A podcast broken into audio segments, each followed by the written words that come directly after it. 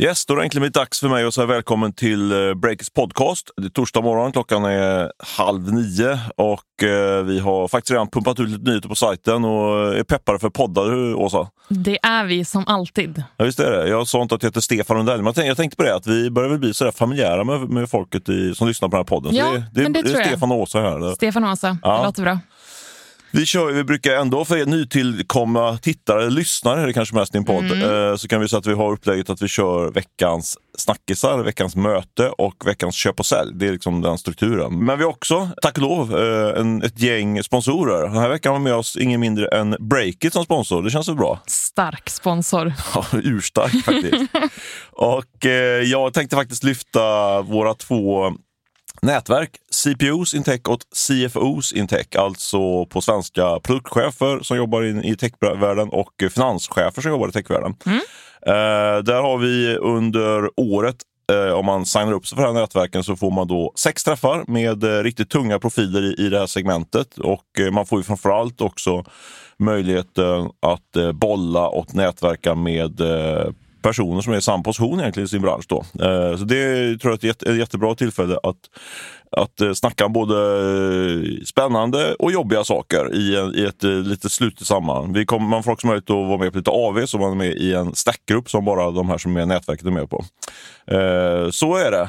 Mm, det här låter ju hur bra som helst. Ja, visst är det. Men du, priset för det här då? Det, det, jag har hört talas om något typ av specialpris. Ja, jag har genom hårda förhandlingar med, eh, med nätverksgruppen kom, fått, lyckats eh, rycka åt med ett riktigt bra pris faktiskt. här. Eh, normalt sett kostar det här då 29 500, vilket jag tycker är en väldigt, eh, mycket pengar men ändå väl investerade pengar. Ska jag säga. Men jag har faktiskt lyckats eh, snå åt med en rejäl rabatt. Vet du, vad, ja, du ser ju manus här kanske. Vad vi, Jag vad ser manus. Du får säga det. Ja. Vad får man pröjsa? 18 000. 18 000. Eh, Normalpris 29 500 men ni får 18 000. Det är ett specialpoddpris kan man säga. Ja, väldigt bra pris. Men du, hur eh, får man det här specialpriset då? Ja, eh, om man ska vara lite noga här då så ska man då alltså man surfar in på Breakit och klickar på fliken event och nätverk och där hittar man de här nätverken. Och sen när man väl signar upp sig så ska man skriva in koden Lundells vecka med små bokstäver. Alltså Lundells vecka i ett ord. Skulle det strula så är det bara att dra ett mejl till mig på stefan.breakit.se så, så löser vi det helt enkelt.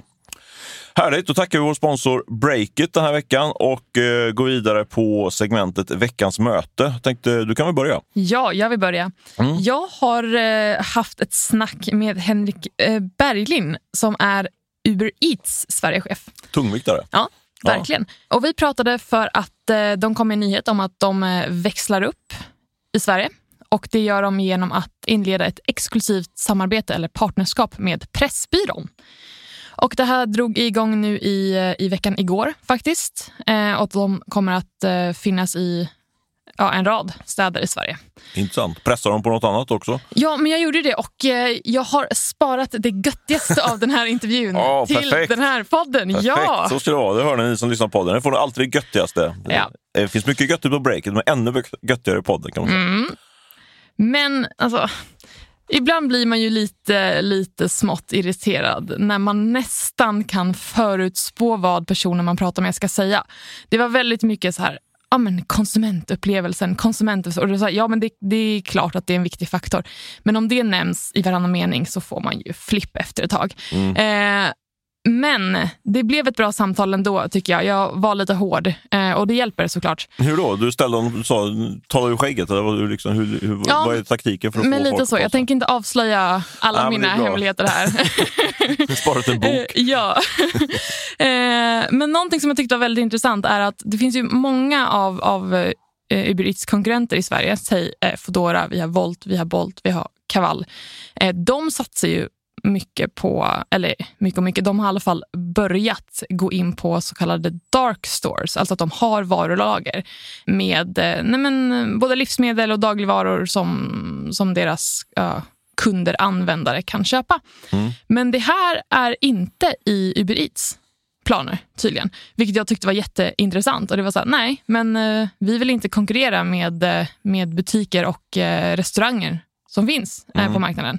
Eh, men då blev det så här, aha, är då Pressbyrån, liksom, är det ett samarbete för att liksom gå runt det här på något sätt? För vad kan man köpa på Pressbyrån? Man kan köpa du kan köpa godis, du kan köpa fika, du kan köpa nej men, mat som är liksom färdigt på något sätt. Och hygienartiklar och sånt. Liksom. Så då funderar jag så här, okej, okay, är det här en grej som de gör för att liksom kunna erbjuda sådana här saker som exempelvis ja, men, Fodora och eh, andra aktörer kan erbjuda genom sina dark stores. Mm. Inte i samma, alltså in, inte lika utbrett, men åt det hållet ändå. Eh, för samtidigt så, jag behövde ju fråga då, liksom, vad, vad kommer vara avgörande i att vinna slaget om snabba leveranser. Ja, men då var det ju det, ja, men det handlar ju om, om att ligga i, i framkant, som det så fint kallas, mm. eh, i sortimentet. Um, så ja, jag vet inte, vad, vad tror du? Kom, Nej, men... Kommer liksom Uber Eats behöva gå in på dark stores ändå? Nej, men det här kan vara ett smart sätt att slippa det. Då. Och det är väl en kostnadsminskning då, mm. man slipper bygga upp det. För jag tror det är en ganska stor kostnad, med, särskilt om man ska ha de här darkstoresen i eh, centrala lägen i till exempel Stockholms innerstad. Liksom. Det är ju lokalkostnaden mm. en absolut en kostnad. Så den strategin eh, sätter jag väl en liten peng på i alla fall. Mm. Du gör det? Ja. ja. Spännande. Eh, vi får se helt enkelt. Men jag frågade också för att nu är ju inte jag i den branschen uppenbarligen, men man ser ju bud från olika leveransbolag precis överallt i Stockholm. Upplever jag det som i alla fall. Um, men uh, han menade i alla fall att när marknaden kan växa mer och sett ur ett internationellt perspektiv så finns det än så länge en relativt låg aktivitet på den svenska marknaden när det kommer till mat och livsmedelsleveranser. Uh, så att det finns fortfarande förutsättningar för, för branschen att växa de kommande åren. Mm. Men vad, vad tror du? Hur, ja, vi har varit inne på det lite grann tidigare. Jag tror, det, jag tror här Kaval har snackat om att det kan vara för en, runt 10 procent av da, hela dagligvarumarknaden. Det innebär ju 30 miljarder i Sverige mm. ungefär. Uh, så det är en stor marknad, men jag tror konkurrensen är hård och jag vet inte, alltså, som vi var inne på förra podden, det är, de här utkörningssiffrorna, är, just nu är det lite Ebberöds bank och sådär. Ja. Så det där känns som något som vi ska hålla ögonen på. Men eh, mm, jag var ju väldigt skeptisk till de här sparkcyklarna när de kom. Men nu verkar ja. det, det man, man får se. Jag tycker det är svårt att, att säga exakt. Men om du tvingar mig att säga så tror jag ändå att det kommer bli ett ganska blodigt slag där ute. Vi får se. Ett blodigt slag, dramatiskt. Ja. Alltid bra. Alltid bra med blod. Ja. vi får se. Tänker alltid på Petter Stordalen, jag vet han hotelldirektören. Ja. Han sa det till mig, blodet kommer rinna på Stockholms gator. När det, apropå att det var så mycket hotell som etablerades. Ja. Och efter det så har det etablerats typ 200% mer hotell, så det är fortfarande inte runt så mycket blod. Men, ja, Nej, det var bara det roligt. kanske kommer. Det kommer nog. Eh, men du, vad har du haft för möte? Jo, men alltså jag hade ett... Eh, det var lite, så här, lite speciell ingång på det där mötet. Eh, jag hade haft en väldigt tung dag måste jag säga, med mm. flera möten som varit riktigt tuffa.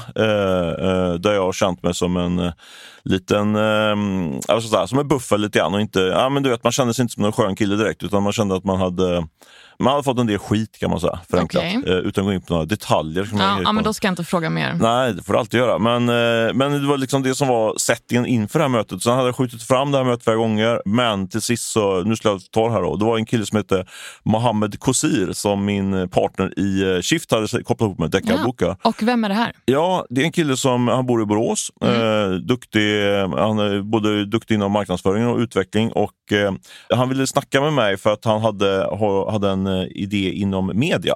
Mm -hmm. Bolaget heter, det är egentligen mer en, eh, ska säga, en prototyp till ett bolag som heter Agora. Heter de. Agora. Och tanken är, man, förenklat kan man säga att han har tagit fram en, en Omni för, för personer som bor i Sverige men som inte kan prata svenska.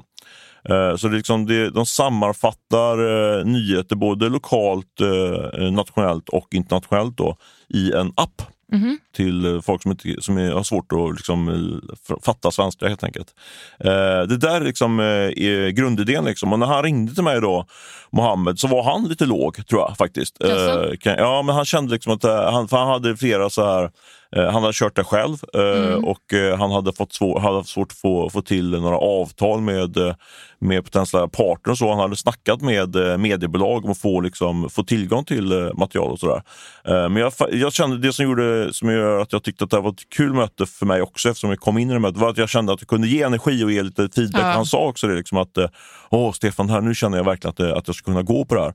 Och anledningen till att jag, han tyckte det, det var för att jag var, jag var ganska krass och jag sa så att vad fasen, du inte, varför ska du styra upp uh, avtal med, med uh, lokaltidningar och rikstidningar? Så här, gör som Omni, för de inom citationstecken då, mm. stora citationstecken, mm. men de snor ju materialet kan man ju säga. De, alltså, de utnyttjar ju den här grundlagsskyddade rättigheterna med att man kan, eh, att man kan referera eh, Mm, i de- andra medier. De rewritar va? Eh, exa- Exakt, och det kan ju vi vara lite irriterade på. Att, att de, men det är ju stora Schibsted med många Mm, miljarder mm. I, i, i ryggen. De har ju hittat den modellen och jag sa till Mohammed att eh, jag ska köra, köra på den modellen också, att man helt enkelt rewritar. eh, Mm. Så det tyckte han var, kändes skönt. Eh, Vi pratade också lite grann om det här kring hur man ska agera som ansvarig utgivare och sådär. Men Mm. konklusionen var att eh, han fick lite ny energi och kände att nu ska han gasa det här och han frågade mig också om Känner du någon som, som jag, han, han behöver ha in eh, några partners i det här projektet helt enkelt. Så jag tänkte jag, jag säger det i podden. Eh, vi har ju ändå ett antal tusen lyssnare. Så är det någon som tycker att det här låter som en potentiellt spännande idé så är det bara att slå, dra ett mejl till mig på stefan.breakit.se så kan jag försöka koppla ihop er med eh, Mohammed Kosir. Min känsla, jag bara pratar med telefon i Mm. 20 minuter, en halvtimme, men det känns som en riktigt duktig entreprenör som har något potentiellt stort på gång. Ja, kul. Ja, faktiskt. Så det var mitt möte. Vad tycker du om det spontant? Jag tycker det låter intressant. Ja, Absolut. men fattar du känslan också? Man går in i ett möte, man är lite så trött och man känner man, är man, man känns lite värdelös och sen så kan man ge energi till någon annan och så, och så, och så får man den responsen. Ja, ja, nej, men det där är det bästa. Ja. Och när sånt händer och det är så, um, det kommer från klar himmel. Liksom. Ja, verkligen. Så var det verkligen för mig i det här fallet. För man kände bara, när han sa det, liksom, så, jag kommer inte ihåg exakt vad de men Stefan, du har gjort, du har gjort min dag. Liksom. Bara, Åh, är det sant? Kan jag göra det? Härligt. Hur länge kommer du leva på den kommentaren? Ja, Jag lever ju en liten stund nu i alla Ja. Du, eh, vi går, för, går rusar vidare på veckans snackisar. Vi har ju två tunga snackisar och eh, jag tänkte börja med att introducera vår första snackis. Och, eh, och det var ju så att natten till onsdagens då så, så vet ju alla ni som lyssnar på den här podden att i princip alla restriktioner i Sverige kopplade till pandemin, de slopades ju. Ja, Ja, var du ute och festade på natten eller hur? Nej? jag var inte ute och festade Det var inte på det. natten. Jag sov jättegott. Jag hörde en, under, hörde en underbar intervju med, med en person som, hon var 18 år, det var första gången hon kunde gå på klubb. Hon hade aldrig kunnat gå på klubb. Det var vilken, lite vilken timing då. Ja, verkligen. Men eh, har det förändrat ditt liv på något sätt? Det här? För jag tänkte, Annika pratar upp det, men jag, jag tänker att vi ska snacka lite grann om vad, vad de här restriktionerna kan betyda för, för den svenska tech och startup-industrin. Men, men vi får börja lite personligt. Har det, hur har det påverkat dig? Alltså, när restriktionerna kom så, nej men det, alltså det påverkade såklart jättemycket. Och, eh, du nämnde ju Stordalen här tidigare och jag får väl citera honom och säga att vi människor är sociala dyr. och eh, det vet man ju verkligen om. Men det var en sån här grej som verkligen nej men blev alldeles för uppenbar när man blev så begränsad. Eh, speciellt i, i sociala sammanhang. Men, eh, Men nu när du öppnar upp, då, känns det, blir det något konkret nu? Eller har du redan öppnat upp innan? kan man säga? Alltså nej, sen, i, sen i somras, eller tidig höst, så har jag levt relativt normalt ändå. Mer begränsad i, bara där i december när smittan ökade igen. Men nu såklart, alltså, jag, är en sån här, jag, jag gillar att ha massa grejer på gång hela tiden, ta massa olika kurser som, nej, där man behöver vara på plats, man träffar mycket folk. Och där har jag verkligen varit locket på, så det ser jag fram emot att köra på med igen. Mm. Eh, och såklart, nej, men bara kunna, kunna hänga ute utan att eh, liksom vilja springa iväg så fort man hör någon som nyser och man blir superskraj. Liksom. Eh, så, nej, men jag ser såklart jättemycket fram emot att, eh, att kunna återgå till det normala. Ja, men när, vi kände, när jag åkte bussen hit så kändes det som vanligt ungefär ganska trångt och, och, och snorigt på bussen. Så det, jag vet inte om det är positivt eller negativt. Men det, det är väl skönt ändå att det är tillbaka, back to normal på något sätt. Men du, om vi ska titta på, på, den, eh, på den här digitala ekonomin som vi, som vi försöker hårdgranska. Vad, vi, vi snackar ju på redaktionen kring eh, hur det här, vilken påverkan det ha, kan ha. Och, eh, det konklusionen från det samtalet och när du och jag satt och bollade lite grann innan här så var det ju, vi, vi ser väl två stycken segment, eh, tydliga segment som får, det finns ju många, alla många, många påverkas. Vi har ju läst om resebranschen till exempel som, som nu får helt andra förutsättningar. Petter Stordalen förmodligen också. Men vi, vi identifierar väl e-handlare och eh, Eh, och eh, man kan säga SaaS och eh, techbolag som vänder sig mot restaurangbranschen. Det är väl Ja. två stycken segment som, som, eh, som påverkas eh, extra mycket. Och jag, jag kan ju börja just med, ta, ta taken på kring eh, e-handlarna. Då. Det, där tror jag det eh, har eh, satt sig saker i, i, i de noterade e-handlarnas börskurser. Men jag tycker ändå att man kan lyfta blicken och titta på hela e- e-handelssegmentet. Och, eh, en intressant datapunkt som jag fick i veckan var när jag pratade med en, en rätt tung investerare i e-handelssegmentet.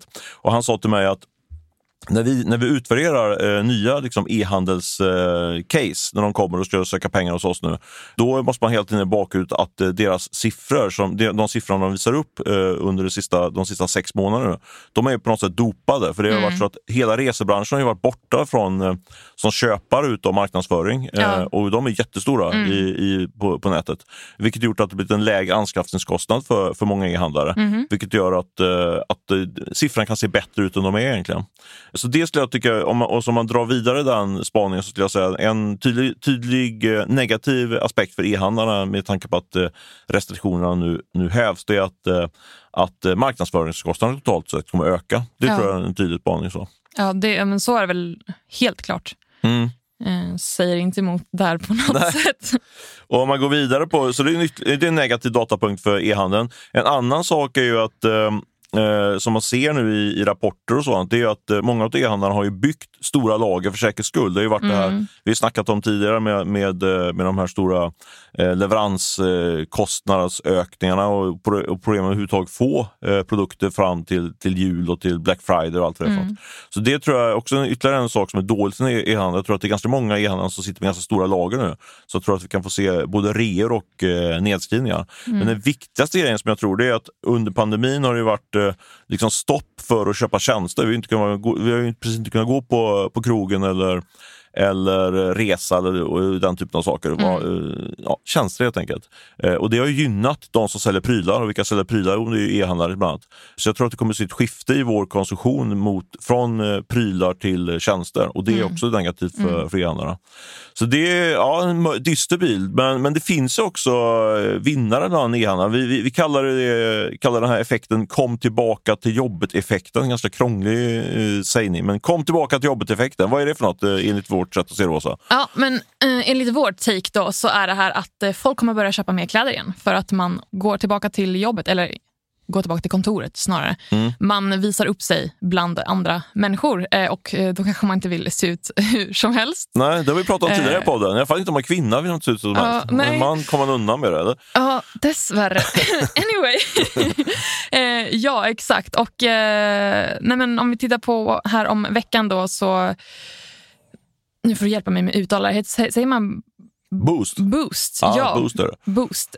Um, kan aldrig bestämma mig hur jag ska uh, uttala det. Men Boost Sven, i alla fall. Svenskgrundat, fast de hänger framförallt i Danmark. Men det är ett svenskt bolag. De har huvudkontoret i Malmö. Så pass. Och noterade. Ja. Ja, eh, hur som helst, de gjorde en omvänd vinstvarning förra veckan och eh, orsaken till det lyftet är... Nu häller jag lite vatten här för att det ska kännas eh, autentiskt. Ursäkta att du avbröt det. Väldigt autentiskt. eh, ja, men orsaken till, till eh, till det lyftet är bland annat lägre returer än väntat vid Black Friday och generellt med julshopping. Men man kan ju också spekulera i att det, alltså det, det gynnas väl sannolikt också nu när folk vill shoppa kläder och eh, nej men visa upp sig bland folk, gå tillbaka till kontoret. Eh, dessutom står våren för dörren och sen nalkas väl sannolikt förhoppningsvis en semester. Det här betyder shopping, kläder, hur kul? Eh, men vad jag tror, ja. att antingen så kommer det verkligen bli så här att nu gäller det att, att eh, ge sin garderob en makeover här och man kommer rusa till både e-handlare men jag tror också att folk har längtat efter att gå i, i fysiska vanliga butiker. Men jag har läst också i flera medier, utländska medier att man inte kommer gå tillbaka till samma liksom, det kommer inte vara samma krav på hur man ser ut på jobbet utan att det är okej att vara ännu mer casual än vad man kanske varit tidigare. Mm. Just för att nej men nu har man vant sig vid att Nej, men man kanske hade en viss typ av klädsel innan pandemin. Det har man inte haft på sig samma hemma. Man kanske har haft någonting nej, lite mer avslappnat eller you name it. Eh, men att den klädkosten nu också tas med till kontoren mm. och att det tydligen kommer finnas någon acceptans inom företagskulturer att inte behöva klä sig lika liksom dressat som tidigare. Okej, okay. positivt negativt? Negativt, 100%. Du tycker det är negativt? absolut, absolut. Nej, På riktigt? absolut. absolut. nej, nej, jag tycker tvärtom. Ja, det lät underbart. Nej, men man klär sig väl både för sig själv men för andra. Liksom. Så att, eh, och klär man sig mer liksom, respektabelt så visar man ju väl på en, en respekt för den man träffar. Just det, oj då. Ja, då, då, då är inte spelat respektfullt. Men, ja, men ja, intressant. Men, eh, men vi kan väl ändå sticka ut hakan och konkludera att, att eh, det här pandemin, eller så här restriktionsnedstängningen, så att, så att det är ändå positivt och fortsatt positivt för, för e-handlare som Boost då, kan vi väl konkludera. Eller vad tror du? Ja, det kan vi göra.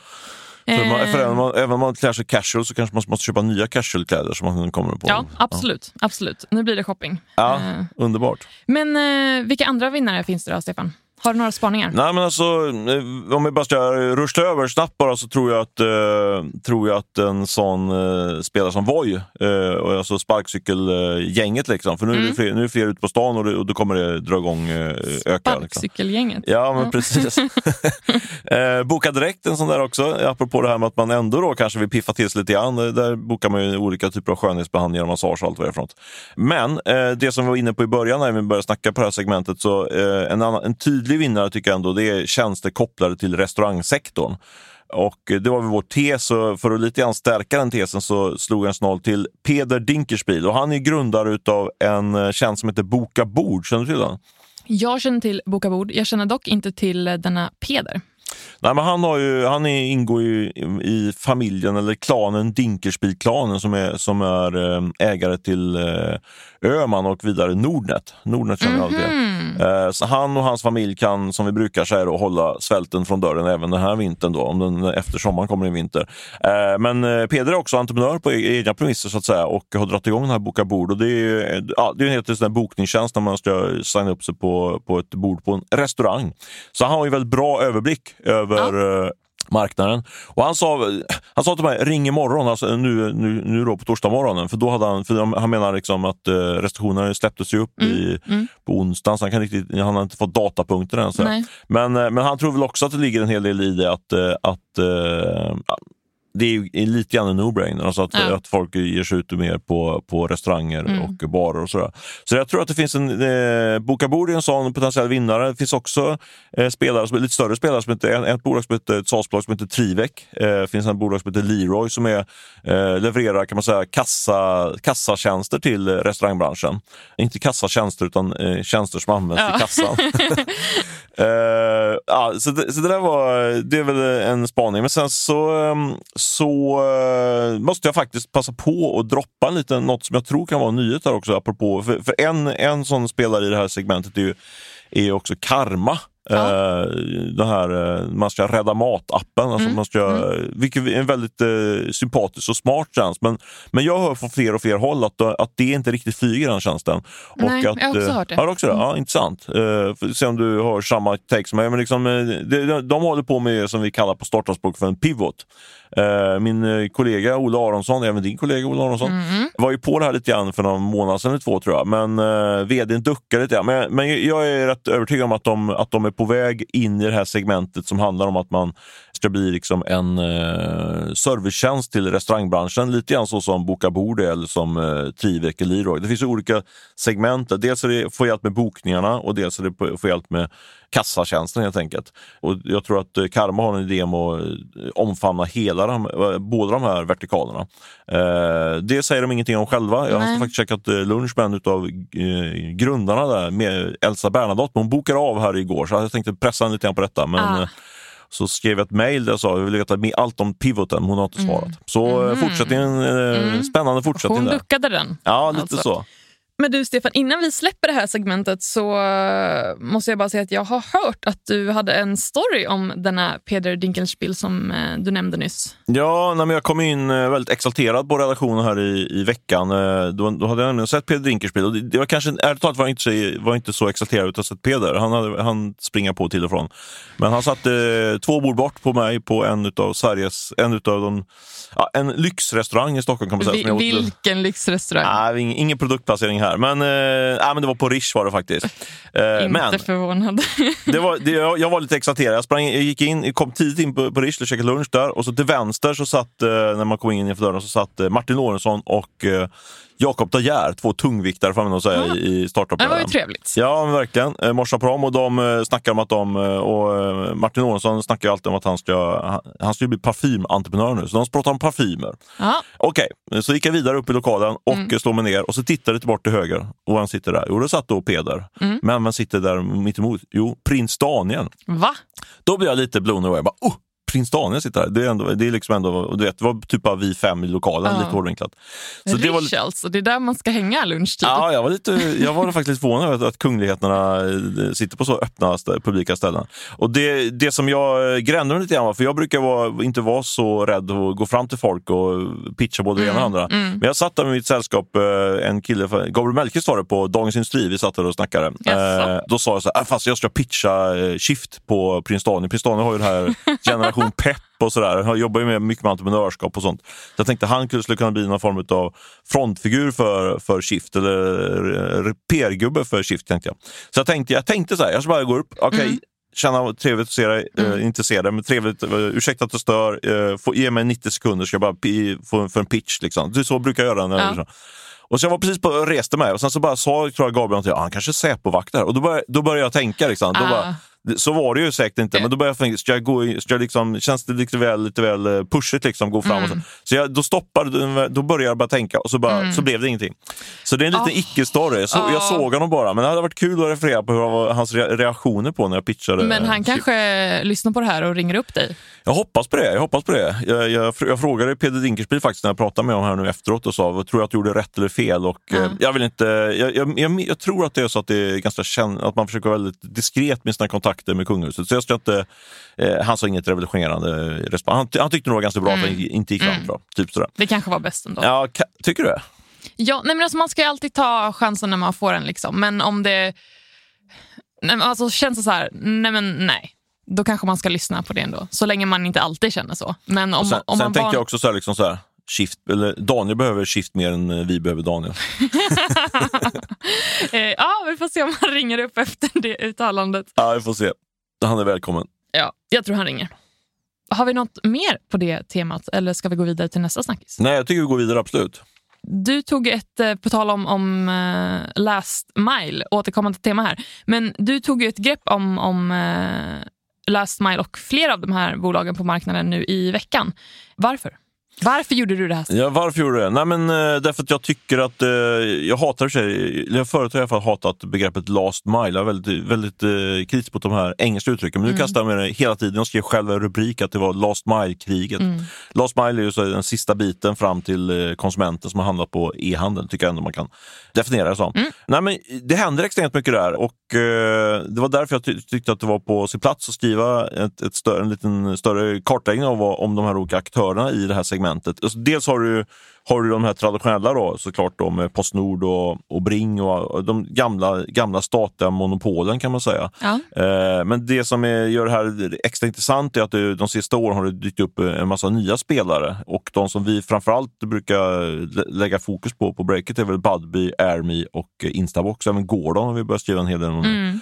Och Inboxen eh, var det också, eh, som faktiskt drivs av ett gäng gamla postanställda.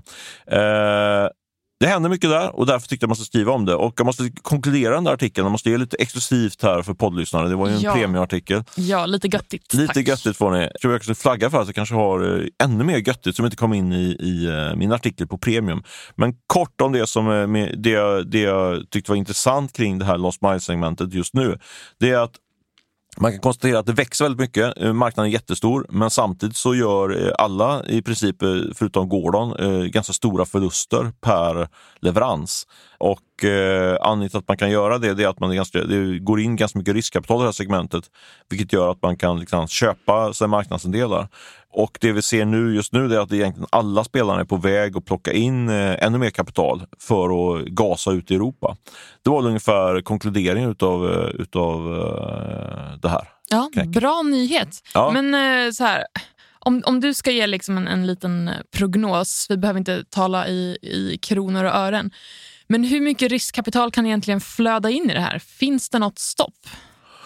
Mm, ja, men så länge det skalar och man ser att det, det ger utväxling på de där investeringarna så tror jag det då kan nog pumpas in miljarder efter miljarder. I, I den här kartläggningen kom vi fram till att det var ungefär 4 miljarder som var på väg in i, i de här bolagen eh, de närmaste månaderna. Ja, det är pengar det med. Det är det, fast den här marknaden, jag har inga siffror på det, men den, den europeiska fraktmarknaden är ju gigantisk. Liksom. Den är, alltså vi pratar om de här 300 miljarder på, på den svenska dagligvaruhandeln. Det tror jag är peanuts jämfört med hur stor den marknaden är på paketmarknaden i Europa.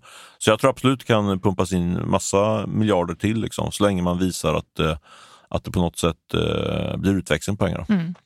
Ja, också en sak som vi får hålla ögonen på. Ja, verkligen. Ett bolag som jag tycker är extra intressant att hålla ögonen på det är ju Airme. De är ju på väg att ta in eh, kapital, ett par hundra miljoner kronor Mm. och öppnar också för att, för att ta in en ny storägare. Idag är det ju, är det ju eh, Alvén Didriksson som är riskkapitalbolag som äger Mm. ungefär 20 procent och sen är det väl grundaren också, Julian som jag har glömt efternamn på just nu, men han, han har också en stor del. Men det man ser är ett, de öppnar för att ta in eh, en eh, ny storägare. Två, eh, de ska ta in ganska mycket kapital. Mm. Och då min tredje spaning, eller som är, går in på spaning, då, vem skulle kunna vara intresserad av att gå in i det här? Och Ja. då tro, tror jag att eh, någon av de här gamla postjättarna eh, skulle vara perfekta eh, nya storägare i Airme. Eh, för att eh, både Posten och Bring de ligger efter rent tekniskt. Ja. Alltså de, har, de här nya spelarna de har, ju, de har introducerat riktigt bra tekniska lösningar. Så det finns en ganska bra match där, där eh, Posten, eller Postnord i det här fallet har ganska mycket pengar och RMI behöver pengar och Mm. Postnord behöver, eh, behöver tekniken. Så jag skulle, utan att veta, så spår jag att Postnord kommer att gå in som ny storägare i RMI. Vi får se om jag har rätt. Wow, ja. Ja. Det får vi verkligen hålla ögonen öppna för. Ja, verkligen. Eh. Jag blir alldeles andfådd här nu, eller svettig här nu. Kommer rätt eller fel? Men jag hoppas det, att det blir rätt. Ja, nej, men du kanske verkligen slår huvudet på spiken här. Ja, jag hoppas på det. Hoppas på det. Du kan, då blir det veckans, eh, veckans köp på mig framöver här, om det blir rätt. Uh, oh ja. Leder oss osökt in på att vi ska ha det segmentet veckans köp och sälj. Ska du eller jag Ja. börja? Jag tycker att du börjar. Jag börjar. Jag tycker veckans köp är på Per-Jörgen Persson som, eh, som jag brukar kalla Europas, en, i alla fall en av Europas eh, framgångsrikaste venture capital-investerare, riskkapital, riskkapitalinvesterare, vad säger man? investerare helt enkelt. Han har varit stor, för, var tidig investerare i eh, i Spotify och Avito till exempel. Och, eh, men det är inte därför han blir veckans köp den här veckan. För det är nämligen så att han är med i, eh, i en podd som Deckarbokar kör som heter Mot alla odds, eh, Deckarmöter. Och den här veckan möter de då Per-Jörgen Persson. Och det är en bra intervju, men det som gör att eh, jag sätter veckans köp på Per-Jörgen Persson, det är att i den intervjun så berättar han att han ska han vill backa upp en eh, svensk eh, venture capital-fond som ska investera i entreprenörer som annars har svårt att få chansen. Han ska fokusera på färgade, kvinnor eller funktionshindrade. Man kan vara alltihop eller så är man Mm. något av de här segmenten. Och eh, Per-Jörgen Persson eh, letar just nu efter eh, en eller flera personer som kan dra igång en sån här fond. Så det tycker jag är en köpsignal på Per-Jörgen Ja. Persson, att han går in och backar ett sånt initiativ. Verkligen köpsignal där. Mm. Och ska bli kul att lyssna på det här eh, poddavsnittet också. Jag har inte hunnit göra det än. Nej, det får stå på to-do-listan. Det tycker jag verkligen ska göra. Ja. Men bra, bra veckans köp där. Jag går också vidare på köp och jag sätter köp på Johan Strömberg som är vd för Podme. Mm. Och eh, Johan är nog rätt så glad för bolaget har värvat nya dragplåster. Nu i dagarna så kom beskedet om att eh, media och influencerprofilerna Jocke och Jonna med podden Sanningen måste fram går över till Podme. Bra Eh. namn ändå. Sanningen måste Ja, fram. men visst. Nästan lite journalistiskt. Ja. Ja. Eh, Men de går i alla fall över till Podme på exklusiv basis. Men det är inte nog där. Det gör också podden Mellan himmel och jord som är en av Sveriges mest populära poddar. Märkligt ändå att vi inte är mer populära. Men i alla fall, vi ska inte vara Skumt. bittra över det. Ja. och eh, ja, det här eh, bolaget då, Podme, de eh, har ju rejäla muskler. Eh, för det är norska mediejätten Schibsted som är största ägare med över 90 procent av aktierna. Och med det sagt så ja, vi har inte fått någon, några siffror på vad, vad det här kostade. Men eh, Nu ska vi spekulera. Vad, gav de någon indikation? Eller? jag vet faktiskt inte. Inte det En liten, stor, jättestor affär, mycket mindre affär? Eller vad sa något liksom sådär på? Alltså, det som vi kan konstatera, och, och det sa ju Johan också, att, eh, att det, det handlar om två riktigt stora affärer. ja. Så att, eh, ja. För jag hörde, jag rykt, ryktesvägen har jag hört när de försöker köpa över andra, så då pratar vi om eh, 10 miljoner kanske, på, upp, uppdelat på ett par, tre år. Så, här, liksom. så är det här då den, eh, den största, den här JLC, om det är en av de största, så måste det väl vara, alltså, då gissar jag på plus 10 miljoner i alla fall. Ja. Eller? Alltså 10 miljoner, det, det låter mycket. Uppdelat på flera år tror jag ändå, liksom, att de eh, kan få det. Ja, jag vet inte. Vi får se. Ni som, ni som lyssnar och har bättre koll tycker att ni ska höra av er till, till Åsa med Ja. det heta Ja, tipset. hör av er till mig. asa.breakit.se. Okej, tung köp på jo, Johan Strömberg då, som uh, tuggar på med Podmi. Jag har en, en sälj, uh, säljrek på, uh, på två killar som, um, som är riktiga uh, rävar kan man säga i finansbranschen. Karl mm -hmm. Armfelt och Erik Sprinkorn. Känner du till dem? Det gör jag inte. Vilka är eh, de här herrarna? De, eh, de satt för övrigt här i kvarteret bredvid när vi satt när vi, när vi, i vårt gamla kontor. Då sprang jag på Karl Almfelt ganska ofta och även Erik. Eh, nej, men de eh, jobbade på Swedbanks teknikfond och hoppade av för ett par år sedan och drog något som heter TIN Fonder. Som mm -hmm. är väldigt, väldigt framgångsrik. Eh, fokus på att investera i eh, tech och startup-industrin, tech-industrin kan man säga. Eh, och jag tror de har kapital på, de har fått in 10-15 miljarder tror jag i sina fonder, startat flera fonder. Så riktigt framgångsrika. Gått väldigt bra då såklart genom hela den här tech-håsen. Men nu har de fått en riktig mardrömsstart på, på, på det här året. Med tanke på tech, att techbubblan delvis har lite grann pyst ut kan man säga. Uh, så det, Karl Armfelt och Erik Springfron har, eh, lider just nu av en uh, svår baksmälla, uh, säger jag. Själva säger de nog att om det är business as usual och så vidare. jag såg att Erik Springkorn i Dagens Industri sa att han hade fortsatt, han har köpt på sig ännu mer fonder, egna fonder. Så att, ja, men just nu tror jag ändå det är lite sälj med tanke på att de är i ett lite jobbigt segment och så. Mer, mer sälj än köp i alla fall. Mm, fattar. Du då, har du något köp eller nu sälj? Nu är det bara säljen kvar. Jag har sälj kvar och jag sätter sälj på Daniel Ek. Mm. Han har ju varit i ropet i det senaste kan man ju milt sagt säga. Eh, men det är inte därför han, han blir veckans sälj för min del. Utan så här, alltså det, är ju, det är ju välkänt att Daniel Ek är ett fotbollsfan. Förra året så försökte han ju köpa den, den engelska klubben Arsenal. Och nu kom ju nyheten ganska eh, nyligen nu i dagarna att Spotify har tecknat ett sponsoravtal med den eh, spanska storklubben Barcelona. Barca.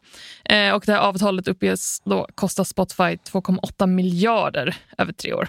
Och enligt uppgifter då, så ska den här klassiska fotbollsarenan Camp Nou vi säger man så? Mm. Också byta namn till Camp Nou Spotify. Och sen så ska ju då Spotifys logga tydligen eh, eh, finnas på eh, de här spelarnas tröjor. Och alltså det här kanske är en jättebra deal för både Spotify och eh, den här fotbollsklubben. Men till min sale då, det känns som 100% storhetsvansinne att göra en sån här grej. Varför då? Varför då?